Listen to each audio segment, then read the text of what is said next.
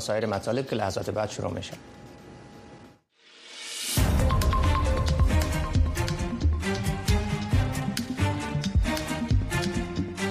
سرخط سه خبر مهم در برنامه امروز تلویزیون آشنا صدای امریکا از واشنگتن برنامه جهانی غذا می‌گوید که از هر ده خانواده در افغانستان نه خانواده غذای کافی برای خوردن ندارند و بیشتر کودکان بدون صرف صبحانه به مکتب می روند.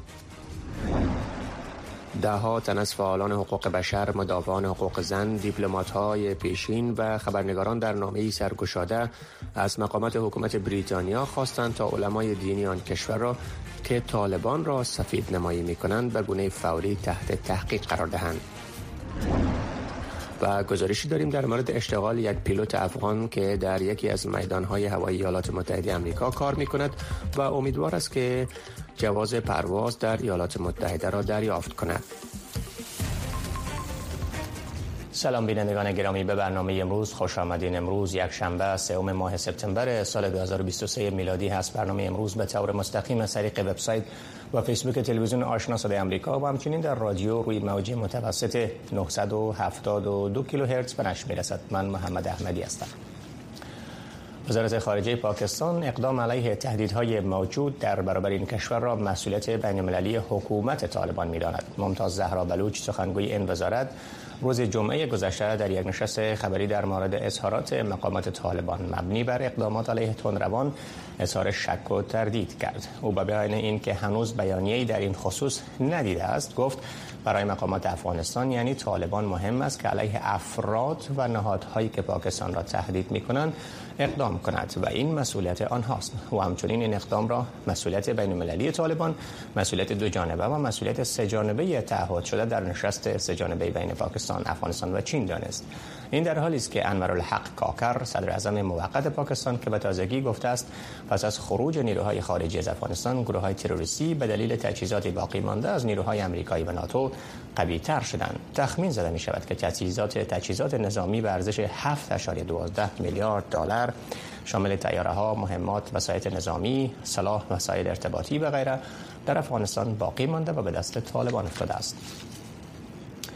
دهاتن از فعالان حقوق بشر، مدافعان حقوق زن، دیپلماتان پیشین و خبرنگاران در نامه سرگشاده از مقامات حکومت بریتانیا خواستند تا علمای دینی آن کشور را که طالبان را سفید نمایی می کنند به گونه فوری تحت تحقیق قرار دهند. به تاریخ 7 جولای گروهی از علمای دینی از بریتانیا که عمدتا پاکستانی و عرب تبار بودند در سفری به افغانستان با مقامات بلندپایه طالبان از جمله سرپرستان وزارت‌های امر به معروف و نهی از منکر آنکه طالبان وزارت خارجه عدلیه تحصیلات عالی و رئیس الوزرای حکومت این گروه دیدار کردند. آنان در این نامه گفتند که به عنوان اعضای نگران جامعه مدنی و نیروهای دموکراتیک افغانستان از جمله شخصیت های رسانه‌ای دانشگاهیان فعالان حقوق بشر هنرمندان سیاستمداران از مقامات بریتانیا می‌خواهند که به کمپاین تبلیغاتی و اطلاعات نادرست این افراد و سازمان هایی که از آنان نمایندگی می‌کنند پایان دهند. فعالان حقوق بشر و سایرین می‌گویند که این علمای دینی بریتانیایی زیر نام مأموریت حقیقت یاب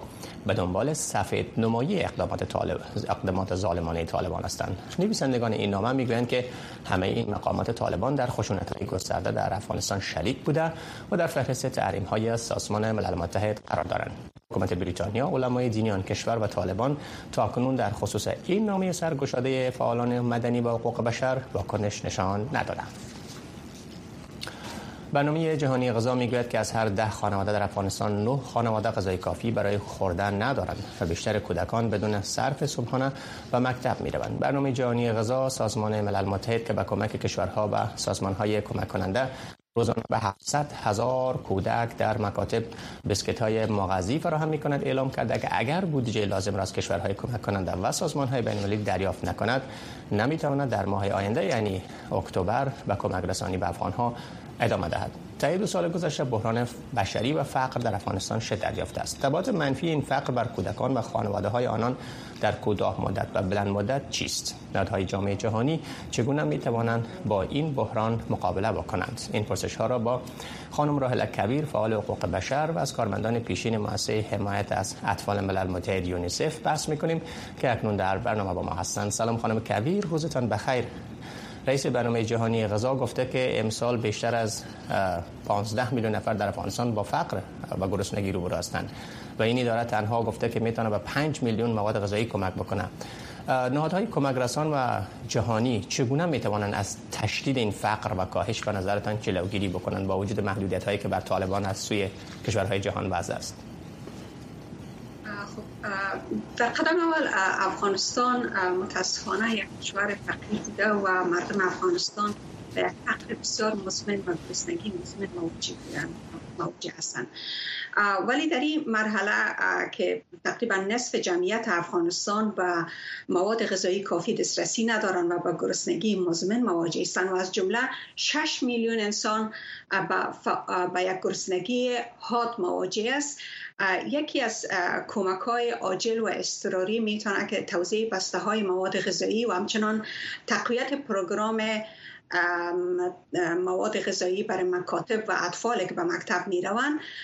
باشه منتهایی که تمام طفلا رو ما می‌فهمیم که به مکتب نمیرن. متاسفانه بناءً در پالیسی پروگرام های حمایوی تغذیوی در کلینیک ها و مراکز صحی و همچنان بعض مراکز آموزشی مهم است.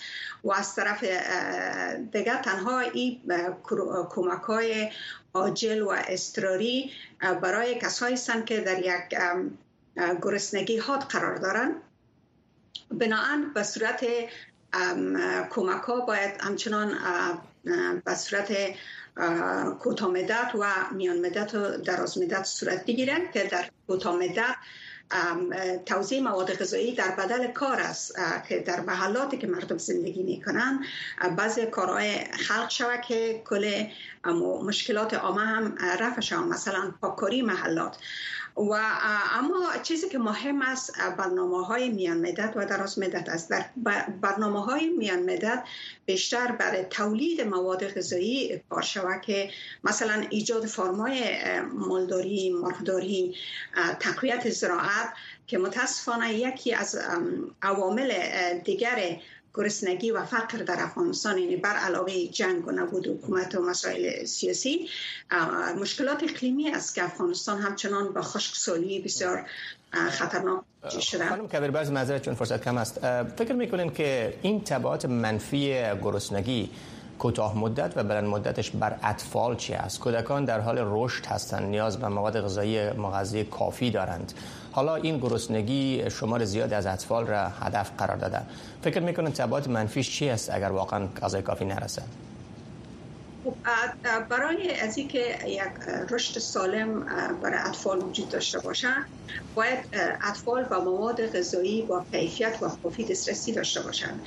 طفلا سرمایه های معنوی یک جامعه هستند اگر ما در آینده بتانیم این طفلا که کاهلان سالم و صحتمند باشند باید این مواد غذایی دسترسی داشته باشند در قدم اول چیزی که طفلا رو متاثر می‌سازه فعلا طفلایی که گرسنه است با مرگ زندگی دست پنجه این موضوع است. طفل زنده مانه در قدم دوم موضوع رشد ناکافی طفل است که اطفال در افغانستان با میار که باید طفل از لحاظ وزن و قد داشته باشن متاسفانه اون میار ندارن و این تنها موضوع رشد فیزیکی نیست بلکه رشد دماغی است قبل از همه که وقتی که غذای کافی نگیره دماغ یک طفل به صورت کافی رشد نمی‌کنه و این باعث از این میشه که در آینده طفل به صورت مناسب در فعالیت های اجتماعی سم گرفتن نتونه و یا قدرت آموزش کافی را نداشته باشه بسیار تشکر از خانم راهل کبیر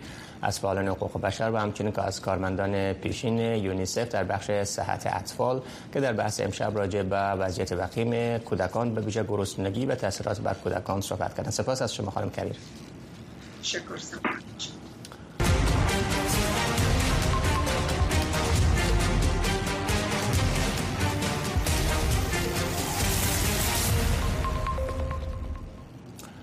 کره شمالی یک تمرین حمله شبیه سازی هسته تکتیکی را اجرا کرد که شامل استفاده از دو میزایل کروز برد متوسط بود. به گزارش تلویزیون دولتی KRT کره شمالی این تمرین نظامی صبح روز شنبه برای هشدار به گفته آن کشور به دشمنان اجرا شد که نشان می‌دهد آن کشور در صورت حمله ای آمادگی دارد و دوباره به بعد خود به تقویت بازداری نظامی علیه واشنگتن به سئول ادامه داد. در میزایل کروز دو میزایل کروز حامل کلاهگاه هسته‌ای شبیه سازی شده به سمت بهیره غربی این شبه جزیره شلیک شد و 1500 کیلومتر را این میزایل به ارتفاع 1500 متری طی کرد. این تمرین شلیک میزایل های آن کشور در حال گزارش شده است که کیم جونگ اون رهبر کره شمالی از فابریک های کشتی سازی و مهمات بازدید به عمل سفرد معترض طی درگیری های بین گروه های نژادی در شهرک کرکوک شمال عراق کشته و 14 تن روز شنبه زخمی شدند به گفته نیروهای امنیتی و پلیس عراق این واقعه پس از تنش های چندین روزه صورت گرفته است. این مناقشه در یک ساختمان در شهر کرکوک بود که زمانی مقر دفتر حزب دموکراتیک کردستان عراق بود اما حالا اردوی عراق از آن از سال 2017 به حیث پایگاه استفاده می کند. حکومت مرکزی عراق در نظر دارد که این ساختمان را به حزب دموکراتیک به نشانه حسن نیت مسترد کند اما رقبای عرب و ترکمن آن زمانی به مخالفت پرداختند که معترضین کردی به آن پایگاه روز شنبه نزدیک شدند. شمار افرادی که از آتش سوزی اخیر در شهر موایی ایالت هوایی ناپدید شدند 385 تن تایید شد اما مقامات می‌گویند که حدود 3000 نفر که قبلا گزارش شده بود مسئول پیدا شدند در این میان مردم در شهر موایی در مرگ عزیزانشان سوگوار هستند و تلاش ها برای بازسازی شهر جریان است که ماه گذشته دستخوش آتش سوزی مرگبار شد. شرح بیشتر گزارش های خبرگزاری رویترز را همکارم ژیلانوری به توجه میرسانم در حالی که رقم افراد ناپدید شده از 388 به 385 نفر تقلیل یافته است شمار از باشندگان شهر موایی ایالت هوایی هنوز در یاد عزیزانشان سوگوار هستند. اینجا در یکی از سواحل ورزش سرفنگ در منطقه لاهیانا که شدیدا از آتش متصل شده است شمار از افراد برای یاد بود از کارول هارتلی یکی از قربانیان که در شعله های آتش جان باخته است گرد هم جمع شدن و برای عزیزانش ادای احترام می‌کنند. او وقتی برای نجات دیگران شتاب خود را فراموش کرد او کرول بود و با وجودی که همه ما ممکن این حس را داشته باشیم بیشتر چیزی که اکنون داریم احساس محبت و شفقت به دیگران است. بعد از ختم مراسم یاد بود افراد سوگوار بر تخته های سرفنگ سوار شدند و به عنوان رسم خدافزی آخر با عزیزانشان که در این تراژدی جان باخته روی آب دور زدند و یک تیاره هلیکوپتر از فراز آسمان بر روی آبهای پاسیفیک گل میانداخت. در این حال مخروبه های باقی مانده از آتش سوزی در جزیره برخی مردم را سرگردان ساخته است که چطور زندگی خود را به پیش ببرند حکومت بایدن برای کمک به سیستم برق ایالت هوایی حدود 95 میلیون دلار کمک کرد اما کارها در سطح محلی پیش برده می شود یکی از رهبران منطقه لاهیانا که در بخش احیای این شهر تلاش می کنند معتقد است بازسازی به این معناست که باید عوامل اصلی که باعث مصیبت طبیعی اینجا شده است در نظر گرفته شود. ما یک ضرب المثل قدیمی داریم که پاسخ آینده شما در گذشته است و اگر ما این کار را اکنون عملی کنیم و ارزش آن را باید درک کنیم ما نیاز به اقداماتی داریم که در برابر تغییر اقلیم موثر باشد. برخی از رهبران محلی حکومت ادعا می کنند که به کمک های بیشتر فدرال نیاز است به خصوص آتش سوزی سیاحت و شهر موایی را متاثر ساخته است. که مردم محلی بیشتر به آن متکی بود. که این شهر خسارمند شده است اما پروسه احیای آن در جریان است و برخی از اجتماعات راه های احیای باثبات مناطق خود را پیش می‌برند. حداقل 115 نفر به دلیل آتش سوزی 8 آگوست شهر موایی جان باختند و شهرک ساحلی تاریخی لاهیانا دستخوش شعله های آتش شد. اما ثبت نام افراد ناپدید شده هنوز در پلیس محلی ادامه دارد. ژیلا نوری تلویزیون آشنای صدای امریکا واشنگتن. پاکستانی ها از افزایش ناگهانی محصول برق خود عصبانی هستند. در تظاهرات روزانه که در اواخر اگست آغاز شد مردم از حکومت خواستند که مخارج جدید را که برق را برای بسیاری از غیر قابل دسترسی ساخته از میان ببرد. سارا زمان خبرنگار صدای آمریکا در این باره گزارشی را تهیه کرده است که نجیب خیلی شرح آن را به توجه می‌رساند. پاکستانی ها که از افزایش قیمت برق تکان خوردند و جاده ها می برایند با فشار مردم بالای حکومت برای تخفیف مصارف جدید که ناگهان پول صرفیه برق آنها را افزایش داده است تظاهرات تقریبا هر روز شروع می شود و کاروبار برای ساعتها تعطیل می شود محمد سعید اوان پدر چهار فرزند که از قبل با تورم دست و پنجه نرم می کند در میان میلیون ها پاکستانی است که برای روشن نگه داشتن چراغ های خانهشان تلاش می کند ما محصول برق خود را یک ماه پرداخت می کنیم و اگر مجبور به خرید کتاب یا پرداخت مصارف برای کتاب های اطفال خود باشیم قادر به پرداخت ماه بعدی نیستیم. در ماه جولای زمانی که پاکستان کمک مالی بسیار مورد نیاز خود را از صندوق بین المللی پول دریافت کرد با کاهش سبسیدی انرژی و افزایش نرخ برق برای کمک به کاهش وام های عظیم بخش برق که نزدیک به 7.5 میلیارد دلار است موافقت کرد. کارشناسان می‌گویند بحران کنونی سالها در حال شکلگیری است. خالد ولید عضو انستیتوت توسعه پایدار مستقر در اسلام آباد می‌گوید در سال 2007 زمانی که یک بحران انرژی در پاکستان صورت گرفت حکومت قراردادهای بسیار سودآور را به این دستگاه های تولید برق مستقل ارائه کرد. این توافقنامه ها شامل مخارج پرداخت ظرفیت ها بود. این پرداخت ظرفیت نشان می دهد که اگر دستگاه ها هیچ نوع انرژی تولید هم نکند باز هم حکومت موظف است مخارج ظرفیت ها را با آنها بپردازد. پاکستان همچنان دارای یک سیستم انتقال ضعیف است که امکان سرقت گسترده برق را فراهم می کند با کاهش سریع روپیه پاکستان و افزایش نرخ بهره مستهلکین عمدتا مسکونی و تجارتی باید برای فراهم کردن خدمات با وامهای فزاینده بخش برق پول بیشتری بپردازند. محمود عباسی مغازدار می‌گوید آنان چندین نوع مالیات اضافه کردند این وحشیانه و ناعادلانه است. حکومت با توجه به توافق صندوق بین المللی پول نمی‌تواند کاری را انجام دهد. در حالی که حکومت به دنبال راه های برای کاهش درد پاکستانی ها است پیام آن روشن است. این صورت حساب ها باید حتما پرداخت شود.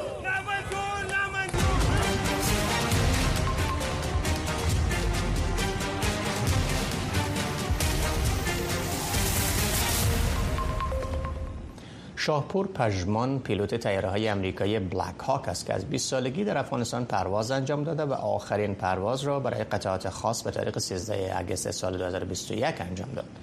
او اکنون در یک از میدانهای هوایی ایالت اریزونای امریکا کار می کند. امیدوار است که تحصیلاتش را در امریکا به اتمام رسانیده و بار دیگر به مسلک پیلوتیش برگردد. ژیلا نوری در این باره گزارشی را تهیه کرده است.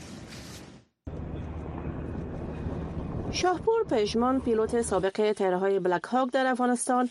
اکنون در بخش پروازهای تجارتی در یکی از میدانهای هوایی شهر فینیکس ایالت اریزونا کار می‌کند. ما در افغانستان باعث معلم پیلوت بلک هاک بودم. تیرهای بلک هاک تیرهای جدیدی که بر افغانستان داشته بود.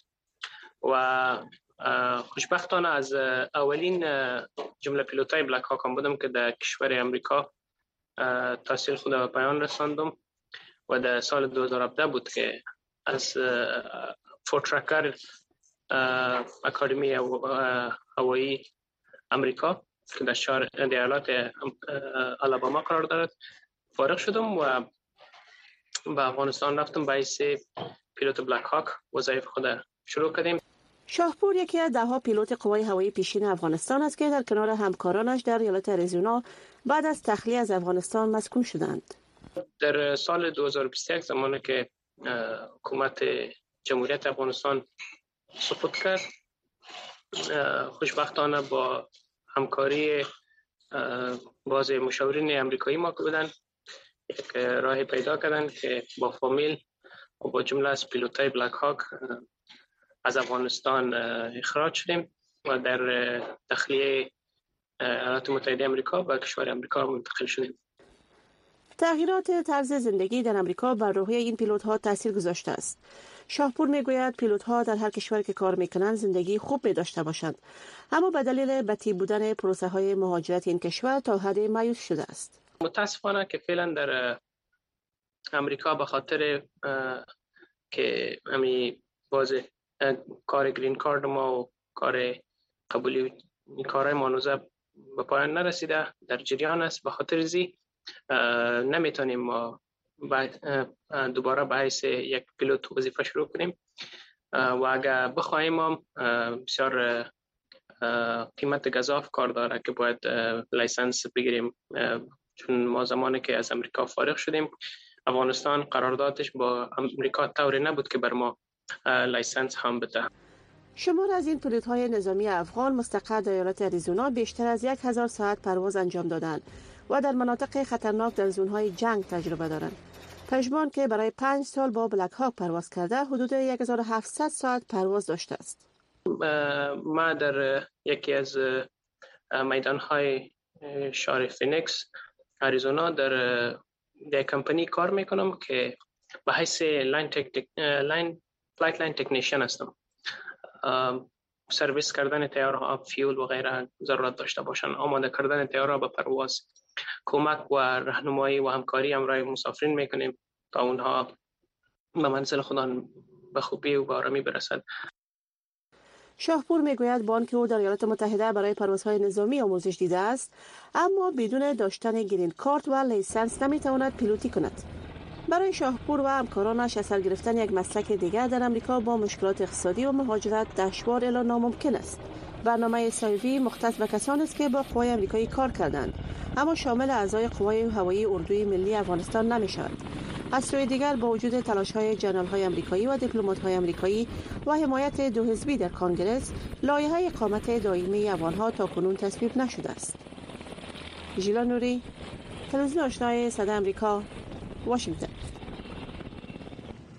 قانونی که در سال 2006 از یک باغ محلی در جنوب لس آنجلس امریکا اخراج شده بودند حالا به مردم در دره مرکزی کالیفرنیا کمک می‌کنند تا به کشت مواد غذایی پرداخته و غذای خود را تأمین و پرورش دهند خبرنگار صدای امریکا گزارش داده است که در مورد برنامه زراعتی به جوامع محروم و محصولات تازه آنها چگونه کمک صورت می‌گیرد و آنها می توانند به صرفه جویی بپردازند همکارم شرح بیشتر این گزارش را به توجه می رساند.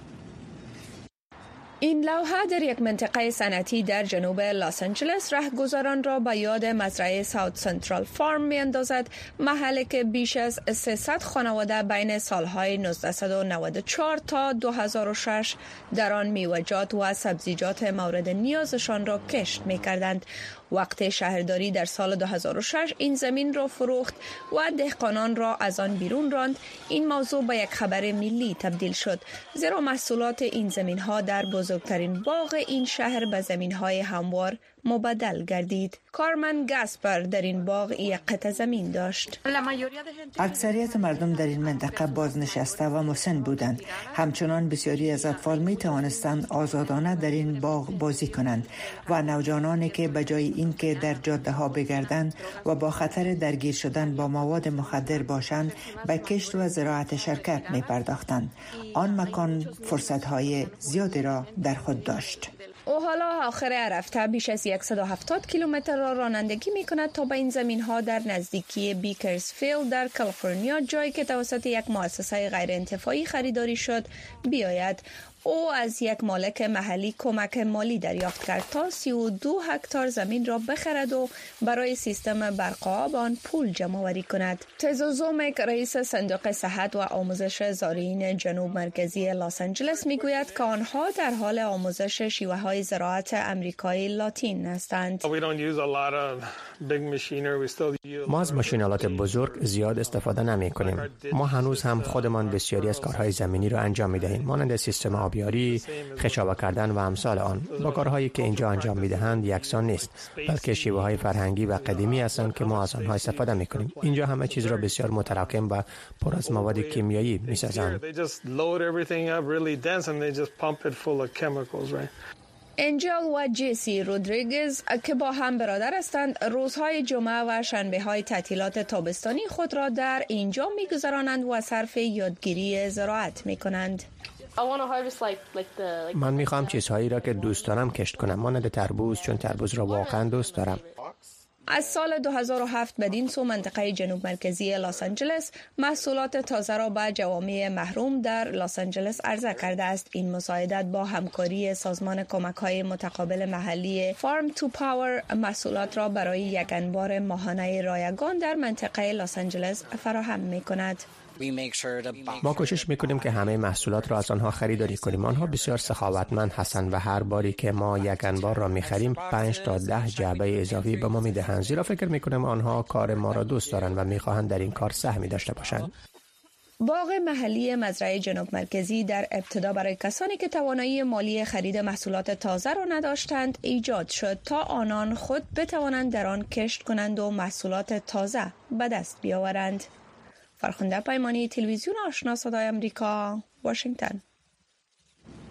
قانونی که اخیرا در پارلمان کینیا پیشنهاد شده است چارچوبی را برای کاهش انتشار کربن از طریق خرید و فروش کردیت ها یا اعتبارات کربن به سطوح محلی فراهم می کند ویکتوریا امونگا خبرنگار صدای آمریکا در این باره گزارشی را تهیه کرده است که نجیب خلیل شرح آن را به توجه می‌رساند. سلوم گیارا برای سالها از چوب به حیث مواد سوخت برای آشپزی خود استفاده کرد تا اینکه به این اجاق بهتر دست یافت. این اجاق در زبان سواهیلی به نام کینوکوا یاد می شود که معنی آن چوب سوخت را نجات دهید می باشد. این اجاق ها برای سوزاندن چوب به طور مؤثر طراحی شده و از مواد سوخت کمتر استفاده می کنند.